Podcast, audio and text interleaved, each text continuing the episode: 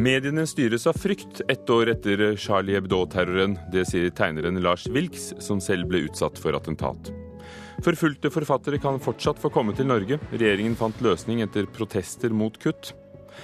Et mesterstykke, sier vår anmelder om Quentin Tarantinos nyeste film The Hateful Eight, som kommer på kino i morgen. Og treningstøy er blitt mote. Motekommentator ser tights på høylys dag. Kulturnytt i Nyhetsmorgen i NRK. Mediene har sviktet og lar seg styre av frykt ett år etter terrorangrepet mot satiremagasinet Charlie Hebdo i Paris i Frankrike. Tolv mennesker ble drept. Dette sier den svenske tegneren Lars Wilks. Han lever på hemmelig adresse etter at han selv laget en tegning for ni år siden med kroppen til en hund og hodet til profeten Muhammed.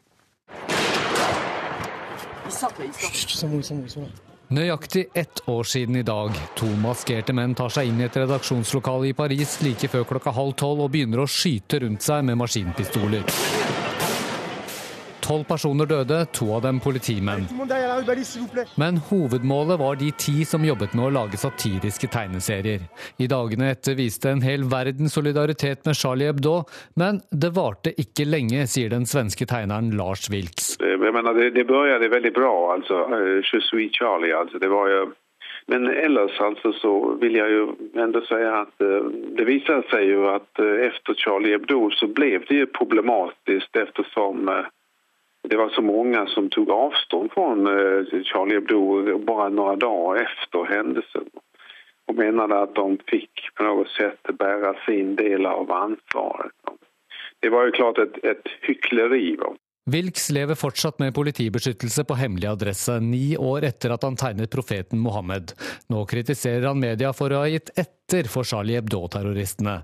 I stedet for å forsvare ytringsfriheten lar man seg styre av frykt, sier han. Så det er frykt og skrekk som, som, kommer inn, og det gjelder jo på redaksjonene da, ikke minst. Altså på aviser og andre eh, som ikke vil publisere saker pga. den riskkalkyl man gjør. Man eh, aksepterer jo terroristenes krav. Og eh, alle, alle publiseringer som kan tenkes være krenkende, eh, er jo i prinsipp stoppet på tidningsredaksjonene. Jeg er helt enig med Vix. Eh, vi har i det året som har gått eh, etter Charlie Hebdo-angrepene, eh, fått en mer fryktbasert samfunn. Det sier Eirik Bergesen, som driver satirenettstedet Opplysningskontoret. I tiden etter Charlie Hebdo var det flere komikere som sto opp for retten til å krenke gjennom humor, påpeker Bergesen. Problemet er at man ikke slipper til i media med denne humoren. Det er ikke satirikerne som er redde, heller ikke Norge. Det er mediene som er redde for å publisere humor eh, som eh, kan krenke. Eh, det er det humor gjør noen ganger. Det krenker. Og det er en del av ytringsfriheten vår, og det må også mediene slutte seg opp rundt. Generalsekretær i Norsk Presseforbund Kjersti Løken Stavrum mener likevel det ikke er så lett som verken Bergesen eller Wilks skal ha det til. For det handler i ytterste konsekvens om livet til de ansatte, sier hun. Hver og en redaksjon er selvstendig ansvarlige. Hver redaktør er ansvarlig for seg og sine. og, og og jeg vet jo helt konkret at redaktører eh, ikke ønsker å, å risikoutsette medarbeiderne sine unødig. Likevel er hun enig med Wilks i at mediene i større grad lar seg styre av frykt enn før. Det tror jeg. Det er en vegring, i hvert fall, for å bruke det som uttrykksform. Og det er synd, fordi det å frata oss eh, satire og ja, karikaturer som, som uttrykksform, eh, gjør debatten fattigere, faktisk. Kjersti Løken Stavrum til reporter Petter Sommer. I går kom minneutgaven av satirebladet Charlie Hebdo på gaten. Opplaget er på én million. Det er jo langt unna de åtte millionene som ble trykket etter attentatet for et år siden, med mer enn vanlig. Og salget på gaten i Paris går strykende.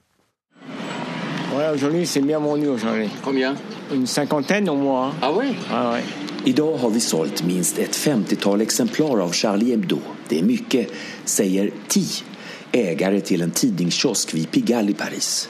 Vanligtvis säljs här ett femtontal per vecka. Idag köper många tidningen i solidaritet, säger han till mig.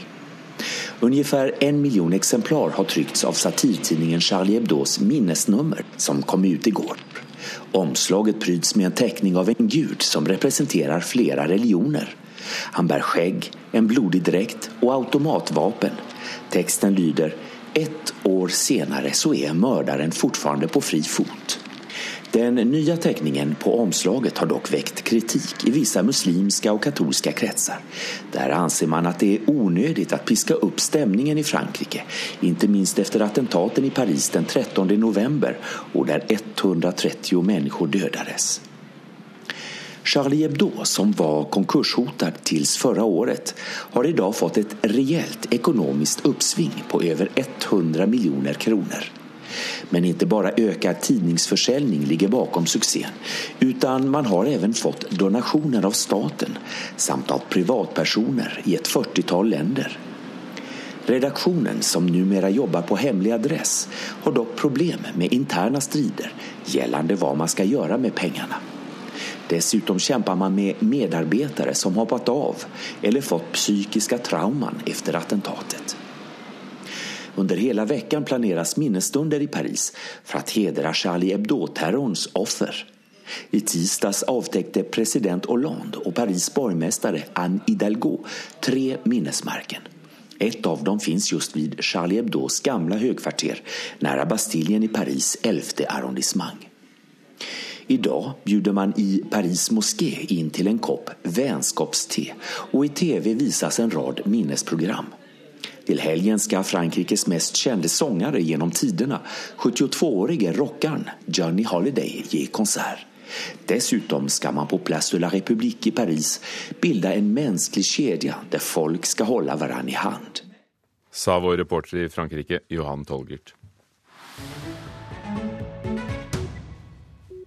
Reporter Petter Sommer, du har lest dagens aviser. Hvilke kulturnyheter preger dem i dag? Ja, Dagsavisen eh, skriver om den vanskelige økonomisituasjonen ved Den norske opera og ballett. Eh, der innrømmer ledelsen nå at de har så lite penger at de må kutte i tilbudet til publikum og i bemanningen. Årsaken det er de kjente store, voksende pensjonsutgiftene som nå er ute av kontroll. Og ledelsen sier at eh, de vil ha de ansatte over på innskuddspensjon, som er noe billigere og beregne, lettere å beregne. Men så foreløpig så har de nekta. Men det hører også med til historien at du kan gå med pensjon ved operaen allerede når du er 41 år om du er ballettdanser, og 52 år når du er sanger. Og så tidlig pensjonsalder er det nå mange politikere som ønsker å forandre. Nasjonen skriver om reklameforbudet mot usunn mat, som både Forbrukerrådet og Kreftforeningen gjerne vil stramme inn. Ja, dette handler jo egentlig om å få ned vekten på norske barn og unge.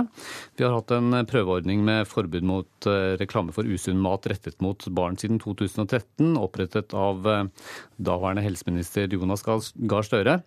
Og denne ordningen skal evalueres nå, og da ønsker Forbrukerrådet og Kreftforeningen å stramme inn. Blant annet så vil de at aldersgrensen for det som skal regnes som barn, skal heves fra 18 til, nei, heves til 18 år, opp fra 13 i dag. Eh, og så ønsker de i tillegg at eh, forbudet skal omfatte reklame som ikke bare direkte retter seg mot barn, men som kan treffe barn og unge. Og reklame for energidrikker er brukt som et eksempel i Nasjonen. 22% av barn mellom 10 og 12 år sier at de drikker energidrikker fordi de har sett reklame for det på TV og sånt, eh, selv om denne reklamen da ikke er direkte rettet mot dem. Et sted hvor folk slipper reklame, er eh, på strømmetjenesten Netflix, eh, og, og, den giganten eh, utvider. Ja, i natt så ble Netflix lansert i 130 nye land. Og når vi vet at det er litt over 200 land i verden, litt avhengig av hvordan man teller, så er det ingen tvil om at eh, Netflix nå har blitt et verdensomspennende fenomen. Og Netflix-sjef Reed Hastings sa i natt på en pressekonferanse i Las Vegas at eh, verden nå, nå er vitne til skapelsen av et globalt TV-nettverk. Man har riktignok visst en stund at Netflix har eh, sånne planer, men det er veldig overraskende på bransjen at det skjer allerede nå. Men um, Netflix har ennå ikke etablert seg i Kina, verdens mest uh, folkerike land. Og det er noe de nå jobber med å få til uh, i løpet av 2016.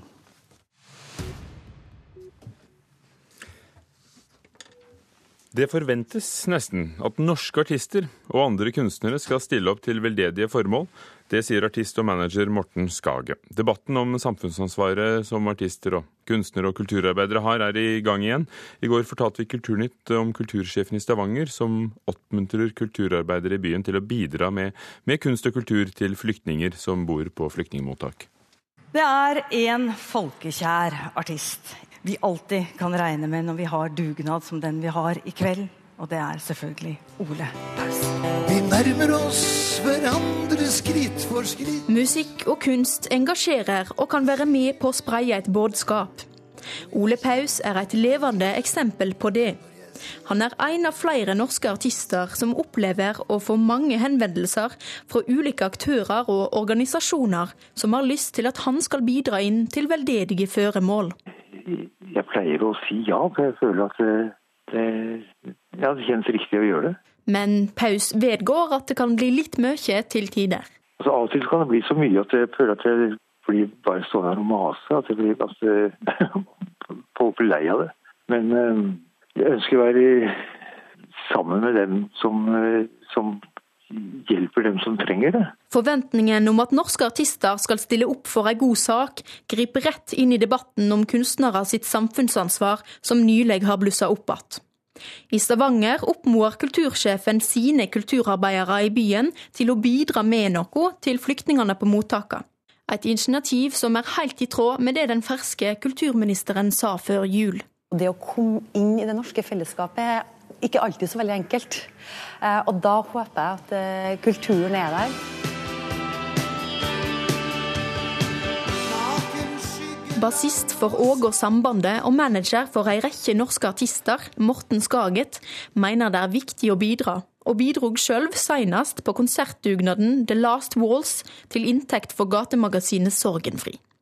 Men Skaget opplever at det i dag nesten ligger en forventning om at norske artister og andre kunstnere skal stille opp for veldedige føremål.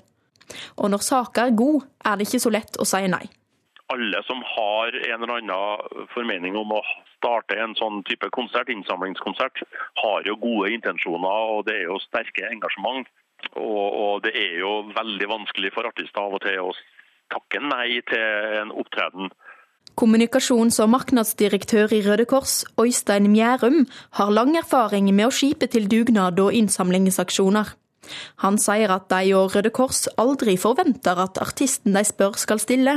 Men vi er veldig glad for alle de artistene, både nasjonalt og ikke minst lokalt, som stiller opp når Røde Kors eller eh, andre trenger hjelp til å samle inn penger til noen som virkelig trenger det, eller sette fokus på et viktig samfunnsproblem. Så vi er overvelda og veldig positivt overraska over hvor mange som faktisk svarer ja når vi ringer og spør. Skaget mener at en som artist umulig kan bidra til alt, og mener at en bør tenke gjennom hva en vil stille på. Artister må jo også tenke på sitt yrke og, og profil og hvordan en skal fremstå innimellom eh, for å ikke da undergrave det en skal stå for som artist og som profesjon, som det faktisk er da for oss artister. Det er Mjærum i Røde Kors òg interessert i. Vi synes at det er viktig at eh, ikke nødvendigvis artistene sier ja til alt, men at de selv velger å stille opp på det de føler de er engasjert i, det der de ønsker å bidra. Ellers så kan det jo også bli litt eh, platt hvis de ikke selv har et engasjement for saken. Så det har vi både stor forståelse for, og det håper vi også at de av og til gjør. At de sier nei når de ikke selv har et engasjement i den saken. Sa Øystein Mjærum i eh, Norges Røde Kors til vår reporter Guro Kvalnes. Klokken er eh, snart 17 minutter over åtte. Du hører på Nyhetsmorgen i NRK. Overskrifter i dag. Støy på arbeidsplassen kan føre til hjerteinfarkt og hjerneslag. Det slår Statens arbeidsmiljøinstitutt fast etter en gjennomgang av flere forskningsrapporter. Svensk politi har evakuert rundt 100 personer etter en brann i en bygård i Stockholm i natt. Og sprengkulen i Karasjok med temperaturer ned i 42 minus fører til at skolebussene står. Det er frykt for at barna skal få forfrysninger dersom bussen skulle havarere i kulden. Nå hører du på Kulturnytt, og treningstøy er tema. Mote. Treningstøy har nemlig for alvor tatt et eh, inntog i moteverdenen. De store motehusene viser frem joggesko på catwalken sammen med dyre designerkjoler. Og både norske og utenlandske kjendiser har eh, tatt et eierskap til eh, trenden. VGs nettsted Min Mote mener at de etter hvert kan se flere bruke treningstights på jobb i løpet av 2016. Jorunn Sofie Aartun, journalist og motejournalist i Dagens Næringsliv. God morgen. God morgen. Er det sannsynlig, tror du, at vi vil se kolleger i tights på jobb? Du, jeg mener at det er helt usannsynlig for de fleste yrkesgrupper å troppe opp med løpetights på jobben. Men dette har blitt et kjempestort fenomen blant unge jenter. Eh, det har fått navnet athleisure. Og vi snakker her da ikke om sånne slaskete, store joggebukser og posete hettegenser. Vi snakker om kroppsnære plagg eh, som har en veldig sånn designdrevet, minimalistisk stil. Som jentene bruker alle andre steder enn på gymmen. Er det det samme tøyet som også kunne vært brukt på gymmen? Ja, det vil jeg si. Altså, de, de, har jo de samme høyteknologiske egenskapene og funksjonaliteten som man har i annet ordinært sportstøy. Er det mote, eller er det latskap? Jeg vil vel si at det er viktigere å se ut som man trener, enn at man faktisk gjør det. Eh, hvordan skjedde dette? Hvordan ble sportsklær eh, av disse stoffene som holder deg tørr og som er komfortable ved trening, til noe som du godt kan ses på eh, hvis du er kjendis i avisen eller på gaten? Altså, Sport har jo hatt en kjempeinnflytelse på motebildet i mange sesonger nå. Og som du nevnte, så på catwalken så ser man jo da høymote som blir presentert sammen med sneakers. Eh, I tillegg så blir jo også de eksklusive plaggene eh, De har jo høyteknologiske materialer. Man har borreløser, man har glidelåser. Man har sportsdetaljer også i kolleksjonene som vises fram. Og dette kan man se bl.a. blant motehus som Stella McCartney, Celine, som er veldig innflytelsesrik for skandinaviske designere. Og dette har jo sammenheng med at motebransjen har økonomiske insentiver til å kaste seg på sportstrenden. Det er um, en milliardindustri i vekst, og noe motebransjen vil ha sin del av kaken av. I tillegg så har jo disse sportsplaggene De, jo, de kommer jo med et sett verdier som veldig mange vil bli assosiert med. Man vil fremstå som sporty, frisk, veltrent, aktiv og prestasjonsdrevet. Det er jo verdier som er veldig viktige i vår kultur. Det, det, har jo skjedd en stund at kjente merker som Adidas, som egentlig begynte med fotballsko og sånne ting, eh, har fått inn designere og lager egne, mer stilige kolleksjoner. Men er det nye at de store motehusene, som da Stella McCartney f.eks., eh, låner andre veien? Ja, det vil jeg si. Jeg vil si at eh, sportsbransjen låner av motebransjen, og motebransjen låner av sportsbransjen. Så det er blitt en litt sånn symbiose her som er veldig spennende å se. Og det handler jo også om at man ønsker å nå massemarkedet. Man ønsker å nå middelklassen, og man ønsker å selge plagg som man i større grad kan bruke. Er det blitt også statusplagg? Ja, det vil jeg si. Altså, hvis du ser på mange av disse unge jentene som går med dette, så har det jo nesten blitt det samme som en it-veske å kunne gå med en, en veldig dyr design løpetights. Og man går gjerne med det sammen. Betyr prisen noe for, for statusverdien? Det er litt vanskelig for meg å, å si noe om eh, hvor dyrt det er og ikke er, men, men, eh, men, prispunktet for disse plaggene er jo veldig høyt. Det koster jo mange tusen kroner for en løpetights eh, som er eh, laget av en designer sammen med en sportskjede f.eks. Men når du ser rundt deg både på, på norske medier og, og, på gaten, er dette, hvor stort er fenomenet i Norge i forhold til resten av verden? Altså, I USA kan det se ut som det er blitt ganske stort blant kjendisene. Og Kardashian-familien f.eks., som er store forbilder for mange jenter, de løper jo rundt i dette her. Men jeg tror jo at norske jenter har en trang til funksjonalitet. Eh, og at jeg har igjen å se i motemetropoler som Paris f.eks. at eh, parisianere tripper rundt på gaten i løpetights f.eks. Så det er nok større i Norge enn i mange andre land. Og ikke for menn? Ikke for menn. La oss håpe det, for å si det. Takk skal du ha, Jorunn Sofie Aartun, eh, motejournalist i Dagens Næringsliv.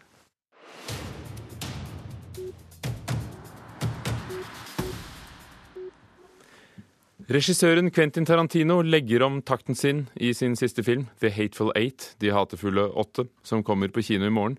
Tarantino er blitt mer interessert i menneskene, er påstanden fra vår anmelder Einar Gullvåg Staalesen. Quentin Tarantino er morsom, The Hateful Eight er en westernkomedie med ironiske personportrett. Tarantino har vært morsom før også, men i tidligere filmer har humoren ligget lenger inne. Den har gjerne vært knyttet til den lekre, ekle voldsestetikken hans.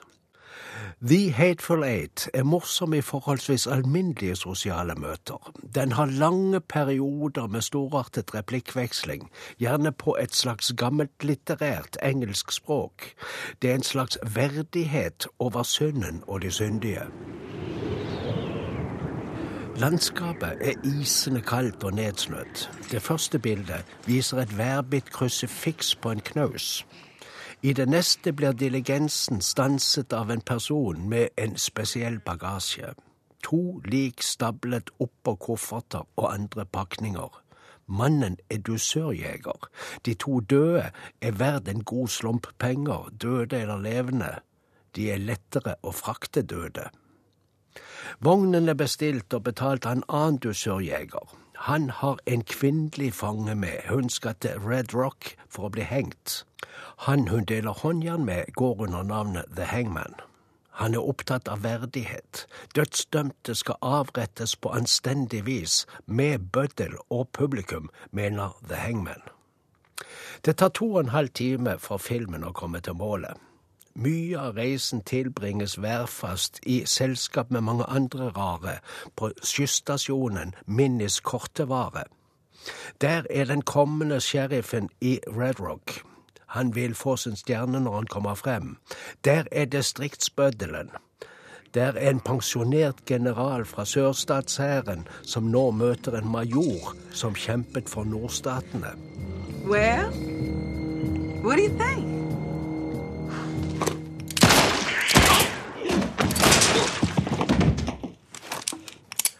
Der, på Minnis kortevare, begynner Quentin Tarantino å komme til seg selv, eller å ligne seg selv og sine tidligere filmer. Etter å ha bygget karaktertegningen på underfundigheter og mistenksomheter og uvasket oversminking av stereotype eksistenser i de to første timene, slipper han nå løs sitt artisteri med hjernemasse, blod, spy, revolvere, kniver og gift. Vi er sterkt i tvil om hvem og hvor mange som overlever. So, how's life since the war?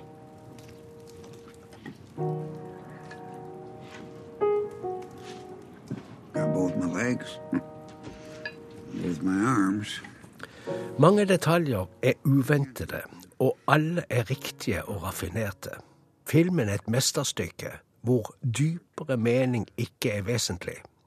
Skuespillet er mesterlig. Samuel L. Jackson, Jennifer Jason Lee, Cut Russell, Tim Roth, Bruce Dern Jeg har ikke sett noen av dem bedre. Jeg tror Quentin Tarantino får nye tilhengere nå. The Hateful Eight er et stemningsskifte, og likevel er den 53 år gamle veteranen gjenkjennelig. Noen av entusiastene som er fascinert av det fysiske, altså illusjonen i voldsuttrykket, kan synes det går for langsomt i denne filmen. Sa Einar Gullvåg Staalesen om The Hateful Eight, som i Oslo, Stockholm og København og 97 andre byer i verden også får premiere i en 70 mm analog versjon, eh, hvor det ville vært, måttet sett, blitt satt opp ekstraforestillinger for å få unna etterspørselen. Einar Gullvåg Staalesen eh, anmelder flere premierefilmer i Mørkets opplevelser, som er tilbake for sesongen på P2 i morgen. Det blir likevel ikke kutt i fribyordningen for forfulgte forfattere. 14 norske byer tar imot eh, forfulgte forfattere, men kvoten ble kuttet kraftig i fjor høst pga. Syriakrisen. Etter protestene som kom, har regjeringen funnet en løsning, sånn at ordningen kan fortsette som tidligere. Ja, det som har skjedd er at eh, Justisdepartementet har eh, sendt sitt årlige kvotebrev til UDI. Og der har de faktisk eh, sagt at i år, altså 2016, så gjør de et unntak fra regelen som begrenser hvor mange fribyforfattere som kan komme til Norge. Hva tenker du om det? Nei, Det er jeg selvfølgelig veldig letta og glad for. Det sier programkoordinator i fribynettverket Icorn, Elisabeth Dyvik. Nettverket representerer de 14 såkalte fribyene i Norge som tar imot forfulgte forfattere. En av dem er Mohammed Habib, som kom til Stavanger fra Syria i fjor. Really, Habib reagerte kraftig da regjeringen i høst pga. Syriakrisen kuttet kraftig i den åpne kvoten for andre flyktninger, fra 300 til 120. Det kom protester fra menneskerettighetsorganisasjonen Norske Penn og Stavangers ordfører. Det betyr jo at eh, instituttet, altså Fribyinstituttet, står jo egentlig for fall hvis vi ikke klarer å endre dette. Men nå kan Kristine Sagen Helgø og andre ordførere smile igjen. Regjeringen har fjernet en begrensning som gjorde at fribyene bare fikk benytte 15% av den åpne kvoten. Dermed ser det langt lysere ut, sier Dyvik i Icorn. I utgangspunktet så betyr jo det at vi kan fremme så mange saker som vi behøver. Altså vil si at alle de fribyene som vil invitere ny forfatter, de kan invitere ny forfatter. Med familier. Det som også er veldig bra med den støtten som vi har fått fra et nokså samla politisk miljø, det er jo det at alle sier at i 2017 skal ikke dette skje igjen. Da skal vi verne om fribyordninga, og det er jo selvfølgelig veldig løfterikt. Og reporter var Anette Johansen Espeland.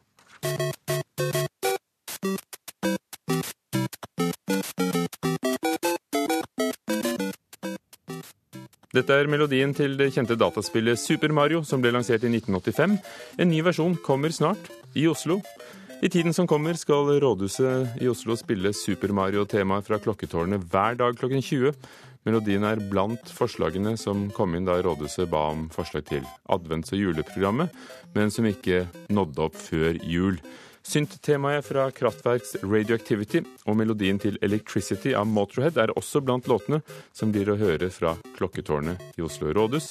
De to låtene skal spilles henholdsvis klokken 11, Motorhead altså, og klokken 18, Kraftverk. Eller var det omvendt? Det var faktisk omvendt.